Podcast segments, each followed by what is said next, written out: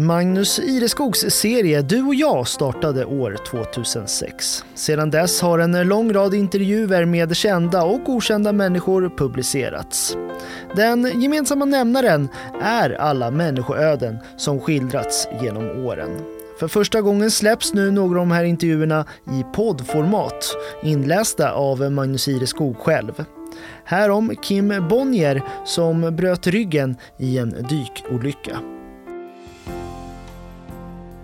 Det är snart 40 år sedan Kim Bonnier bröt nacken i en dykolycka. 11 år tidigare hade han mist sin far i en krasch på racingbanan. Två händelser som ändrade allt. Men aldrig har han känt sig bitter. Han levde som ung i den snabba filen Kim. Han showade på skidor och hoppade ut för stup. Frestade med sin BMW på alpväggarna i Schweiz där han bodde tills passagerarna skrek på hjälp. I åren runt 20 är varje människa odödlig och dessutom hade han en krass livssyn. Misslyckas jag så dör jag, då är det över. Han dog inte. Men han kom att få ett liv i rullstol.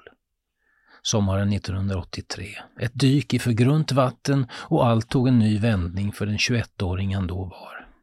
Ja, säger han i den här intervjun som görs våren 2022. På en sekund gick jag från att vara yngling till att bli riktigt vuxen. Då var leken över. Men redan 11 år tidigare hade tillvaron ställts på sin spets. Då blev Kim faderslös sedan hans pappa, racerföraren Joakim Bonnier, kört ihjäl sig under 24-timmarsloppet i Le Mans, juli 1972. 42 år gammal. Vi pratar om det i den här intervjun. Och lite om skumbilar också faktiskt, men mest om vägskälen i livet. Jag tänker att det är förutbestämt, säger han. Valet att leva som jag gjorde var gjort innan jag föddes. Men jag har också haft en och annan skyddsängel längs vägen, det förstår jag. Vi ses under ett av hans många Gotlandsbesök. Kim har en lång historia på ön, ända sedan rehabvistelsen på Treklöverhemmet i Ljungskile hösten efter dykolyckan, som förlamade honom i bål och underkropp och försämrade funktionerna även i överkroppen. Där kom Elisabeth Johansson att bli hans sjukgymnast, gotländskan som idag bland annat arbetar med rehabilitering av strokepatienter. Ja, skrattar han, det är faktiskt fröken Johanssons fel. Utan henne hade jag aldrig kommit hit. För så blev det. 1989 flyttade han med Elisabeth till ön, först till Tingstäde och sedan Visby. 2003 vände han åter till fastlandet, till Malmö. Öläget blev för påfrestande med alla resor. Landslagsman som han med tiden blivit i såväl friidrott som rugby. Men allt sedan dess är han på Gotland flera gånger om året. Kanske har han funderat, kanske flyttar han åter någon gång i framtiden. Vi ska till den där dykolyckan i Stockholms skärgård sommaren 83, men först till den udda uppväxten i Schweiz, som son till Sveriges för tiden främste racerstjärna. Joakim Bonnier startade i 108 Formel 1-lopp mellan 56 och 71. En seger blev det, Hollands Grand Prix på Sandfortbanan 59. Bara tre svenskar har för övrigt vunnit Grand Prix-lopp i Formel 1. De övriga är Ronnie Pettersson och Gunnar Nilsson. Förutom med formelbilar tävlade Joakim med sportvagnar, det vill säga täckta racerbilar. Jag minns hur man sprang runt i depåerna, säger Kim. Det var ju helt annat än idag. Innan jag började skolan följde jag med runt om i världen. Det var min vardag. Vilken dröm för en grabb, eller hur? Min pappa är inte polis, han är racerförare. Ja, lite så var det väl faktiskt. Men vi bodde i en liten by i Schweiz, Lemuid, och de andra grabbarna visste ju vilka vi var, så det var kanske inte så konstigt, säger Kim. Men onekligen var det en speciell uppväxt. Olja och bränt gummi, men också flärd. Familjen levde gott på 600 meters höjd nära Genèvesjön. Högt i tak var det också. Så högt att pappa låtit montera sin sista Formel 1-bil på väggen. Och den var vi och klättrade i, jag och brorsan. Vi var rätt vilda tillsammans. Pappa var inte alltid så glad. Den 11 juni 1972 omkom Joakim Bonnier i en krasch på Le Mans-banan i Frankrike under dess klassiska 24-timmarslopp. Tre förare turas då om att köra en bil under ett helt dygn. I 300 km i timmen körde han, efter ett missförstånd under omkörning, in i en Ferrari som höll lägre hastighet. Bilen, en Lola, flög upp bland trädtopparna och krossades. Joakim, eller Joe som han kallades internationellt, tros ha avlidit omedelbart. Kim minns den dagen som igår. Jag hade en dröm den natten om att han körde ihjäl sig. Egentligen är det inget konstigt. Jag vet att det finns kopplingar mellan människor som man inte kan förklara eller förstå. När tvn sedan slogs på fick de allt bekräftat. En pappa och en make var död. 50 år senare minns han det som ett enda kaos. Hur han växte upp på nolltid, hur han dessutom fick hjälpa sin mamma i sorgen och hur de som trotts vara vänner visade sig kanske inte vara det. Nej, säger han, många försvann. Det var stjärnglansen de ville åt, det förstod man. Och vi tvingades flytta från huset till en lägenhet i stan. Din egen sorg då, Kim? Du var tio och pappa är plötsligt borta. Och dessutom rubriker i alla tidningarna. Han funderar, minner sig bakåt. Det kom nog senare. Då var det så mycket som blockerade och dessutom träffade jag inte pappa så mycket. Han var ju jämt ute och tävlade. Vi hade vår barnflicka så i umgänget med pappa blev det ingen större skillnad. Men, säger han, som för alla barn som mister någon innebar det förstås ett trauma. Jag har jobbat så mycket med det mentala på senare år. Det händer att jag går tillbaka till det lilla barn jag var och försöker hjälpa det på rätt väg. Ett tag försöker han hitta syndare eller en bov. Han projicerade ilskan på racingsporten som sådan. Ja, det var väl en sorgereaktion, men det där var ju pappas liv och han hade varit nära döden flera gånger. Det här var väl det nionde livet som tog slut, funderar han. Men hur det var så avskräcktes Kim ändå inte från racingen. Han hade själv kört go-kart och tänkt sig en karriär men sadlade om till mekaniker.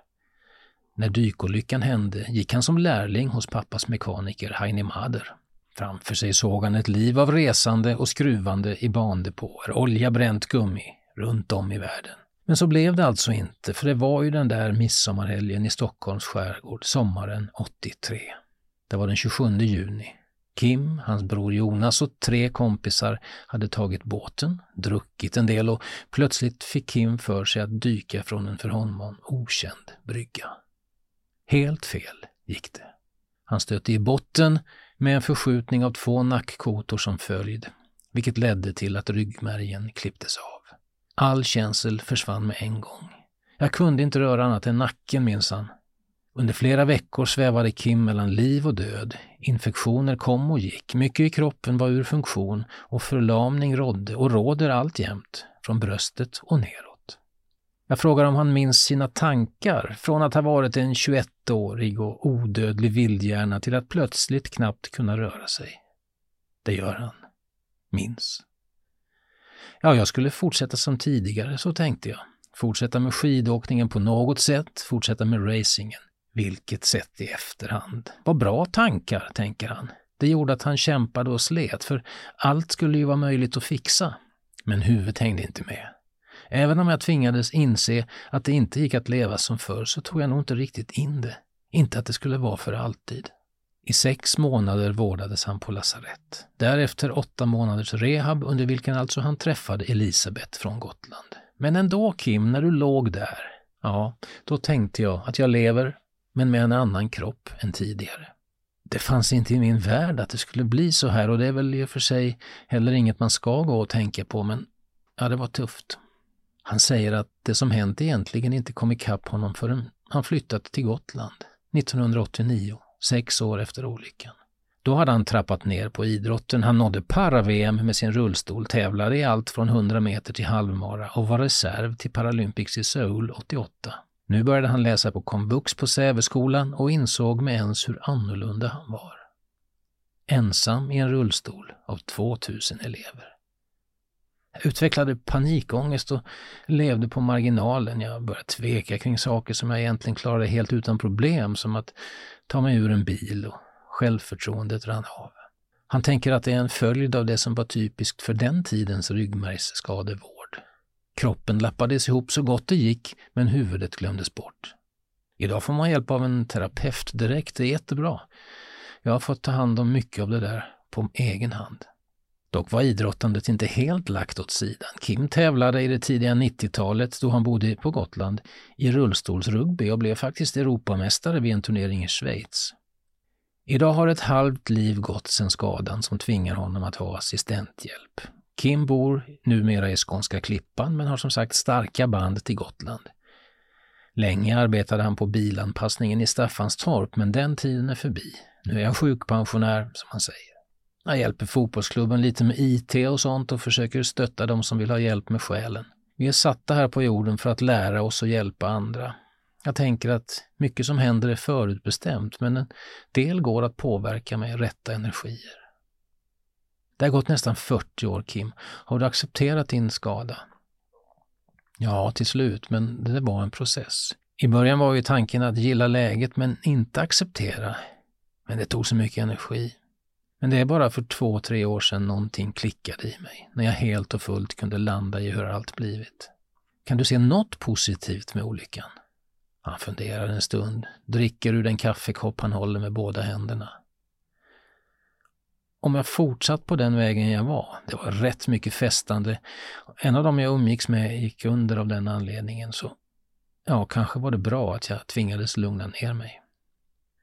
Rullstolen har sällan varit något hinder, inte i meningen att han tvingats avstå sina drömmar. Han har backpackat i Ecuador, besökt Delphi och Akropolis och rest runt i Nya Zeeland. Jag har fått utveckla huvudet, allt sitter inte i kroppen. Se bara hur Frank William lyckades. Frank Williams är racerföraren som förlamades vid en krasch 1986 och fram till sin död hösten 21 var chef för Williams-stallet, ett av de främsta inom Formel 1. Hänger du med F1-sporten, Kim? Ja, till och från. Jag tänker att jag inte ska se loppen, men så tittar jag ändå och då är det som, då är det som socker. Det går inte att sluta. Men alltså det är en så sjuk värld. Det är något helt annat än när jag reste runt i racingdepåerna. Okej, okay. låt oss byta fordon så här mot slutet och öppna en påse Ahlgrens bilar. Vita, röda och gröna socker Bugatti. De tillverkas i Gävle men har om man så vill sitt ursprung på Gotland. Vi gör historien ytterst kort här för att komma fram till hur Kim är en länk till detta, men så här är det. Adolf Ahlgren föddes på Gotland 1872 men flyttade till fastlandet efter åren som elev vid Visby läroverk. När brodern Fredrik dog 1907 fick Adolf ta över dennes firma i Gävle, F. Ahlgren. Den tillverkade kemiska produkter. Så småningom ändrades inriktningen till pastilltillverkning och 1953 lanserades skumbilarna, Sveriges mest sålda bil, de vi känner idag. Bland Adolf Ahlgrens barnbarn hittar vi en av Sveriges genom tiderna största jetsättare och playboy, racerföraren Ulf Norinder, född 1934 och död 1978. Han gjorde väl inga större avtryck i resultatlistorna men kom ändå att ingå i kretsen runt Sveriges snabbaste mustasch Pico Troberg och Kims pappa Joakim. Desto mer i täten låg Norinder utanför racerbanorna. Än idag pratas det om en fest på Kilafors herrgård i Hälsingland där Ulf hade sitt ursprung. Efter ett sportvagnslopp på Anderstorp i tidigt 70-tal bjöd han in alla, förare, mekaniker, flickvänner, till det han kallade Oj oj, this is Ulfs party. Kalaset pågick en vecka och mat flögs in med helikopter från Stockholms innekrogar. Även sprit hämtades luftvägen och i trädgården dansade pinsmala människor i V-jeans till ett 22-mannaband som spelade porrfilmsmusik. Så hur länkas då detta till Kim Bonnier? Jo, Ulf var min gudfar. Sista gången jag träffade honom var strax innan pappa körde ihjäl sig men jag minns att de hade några vilda fester när jag var liten, även om pappa lugnade ner sig lite med åren. Det gjorde alltså inte Norinder. 44 år gammal gick han ur tiden 1978, sliten efter ett liv i den snabbaste filen.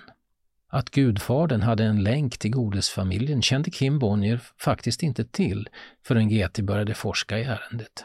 Men det förklarar kanske hur han hade råd med det liv han levde, säger Kim Nåväl, detta om detta. Alla människor bär sin egen historia. Kim Bonnier, inget undantag. Rullstolen minner om ett dyk han aldrig borde gjort.